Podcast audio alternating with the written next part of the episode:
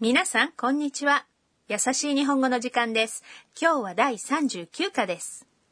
أهلا بكم مستمعينا الأعزاء في الدرس التاسع والثلاثين من دروس تعلم اللغة اليابانية التي تأتيكم من راديو اليابان الدولي ل NHK World هذا البرنامج من تقديم كريم السمني ورندا زيادة 今日も楽しく勉強しましょう والجملة الرئيسية اليوم هي 風邪だと思います أعتقد أنها نزلة برد بطلة القصة هي الطالبة التايلاندية أنا وصحتها اليوم ليست على ما يرام لذا ذهبت إلى مستشفى برفقة مشرفة السكن الجامعي والآن سيكشف عليها الطبيب تعالوا نستمع إلى حوار الدرس التاسع والثلاثين والجملة الرئيسية هي 風邪だと思います أعتقد أنها نزلة برد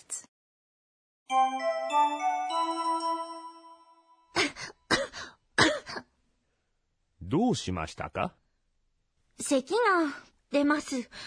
熱も37.8度あります。喉を見せてください。風邪だと思います。 إليكم شرح الحوار. الطبيب يسأل أن どうしましたか ماذا بك؟ どう يعني كيف؟ しました。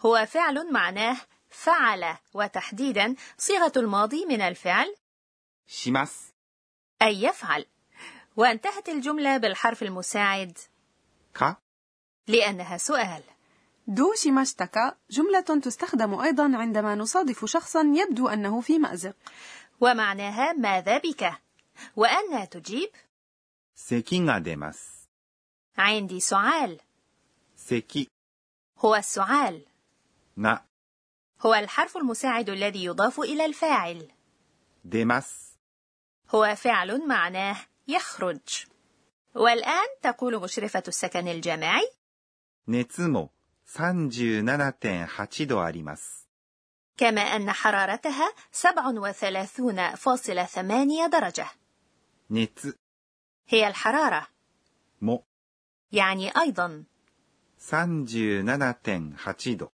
يعني 37.8 درجة الرقم 37.8 هو 37 وثمانية من عشرة 点 يعني نقطة وأضيف إلى العدد اللفظ 度 الذي يعني درجة あります يعني يوجد وهو الفعل الذي يعبر عن وجود الشيء أو الملكية إنها لمحنة عصيبة أن يمرض الإنسان في بلد لا يتحدث لغته. كيف نقول عندي صداع أو مغص؟ نقول إن الرأس أو البطن يؤلم.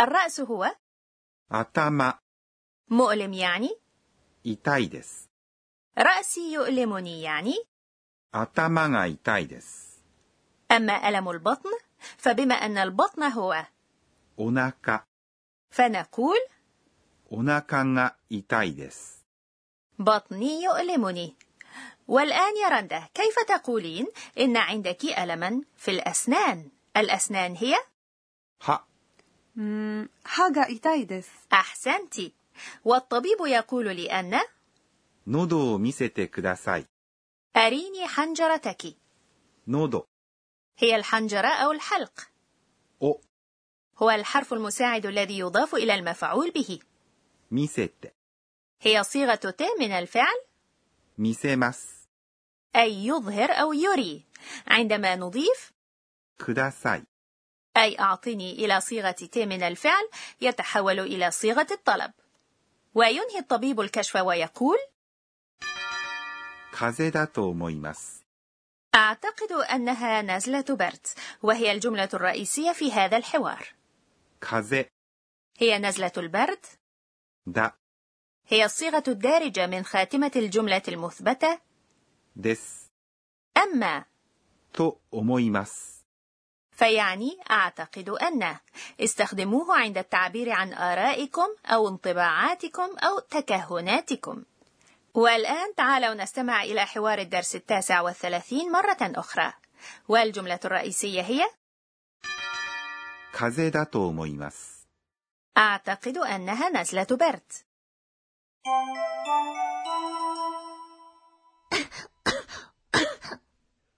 どうしましたか咳が出ます。熱も37.8度あります。喉を見せてください。風邪だと思います。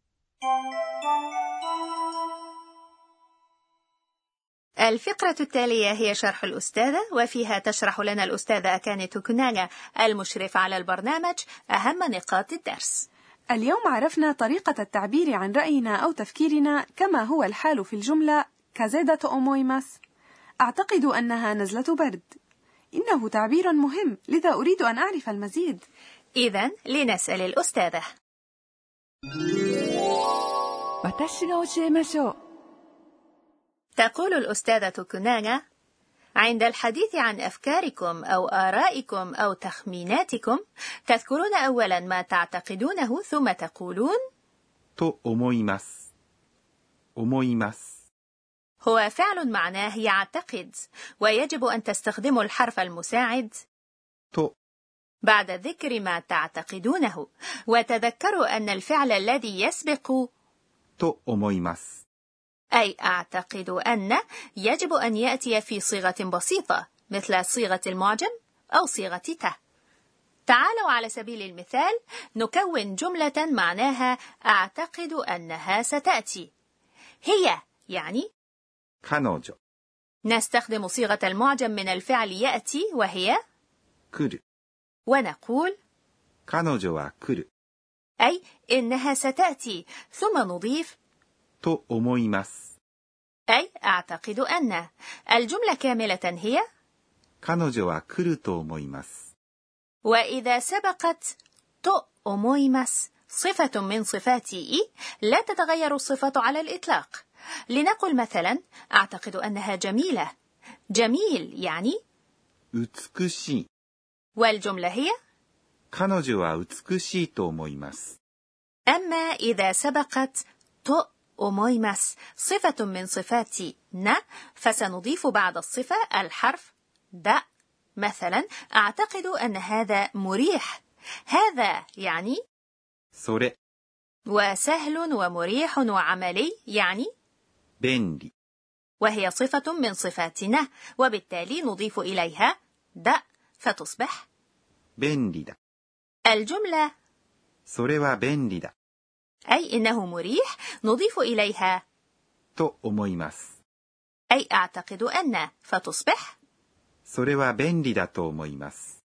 أعتقد أنه مريح كنا مع فقرة شرح الأستاذة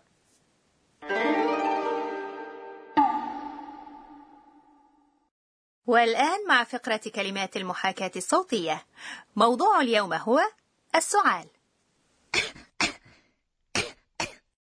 المحاكاة اللفظية لمثل هذا السعال الخفيف هي コンコン、 نعم هذا هو صوت السعال الخفيف コンコン、 وكيف نصف السعال الشديد؟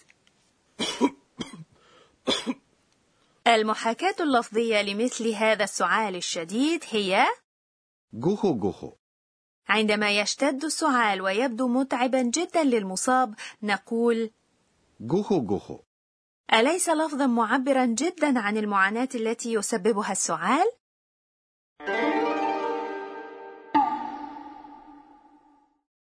كنا مع كلمات المحاكاة الصوتية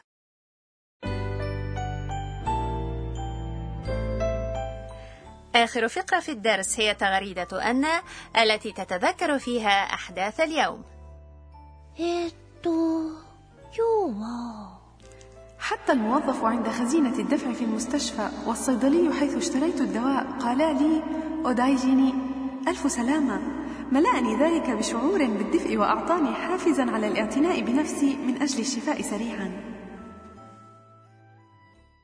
بهذا وصلنا إلى نهاية الدرس التاسع والثلاثين يا ترى كيف تقضي أن يومها عندما تعود إلى السكن الجامعي؟ سنرى في الدرس القادم إلى اللقاء من راديو اليابان الدولي NHK World سايونارا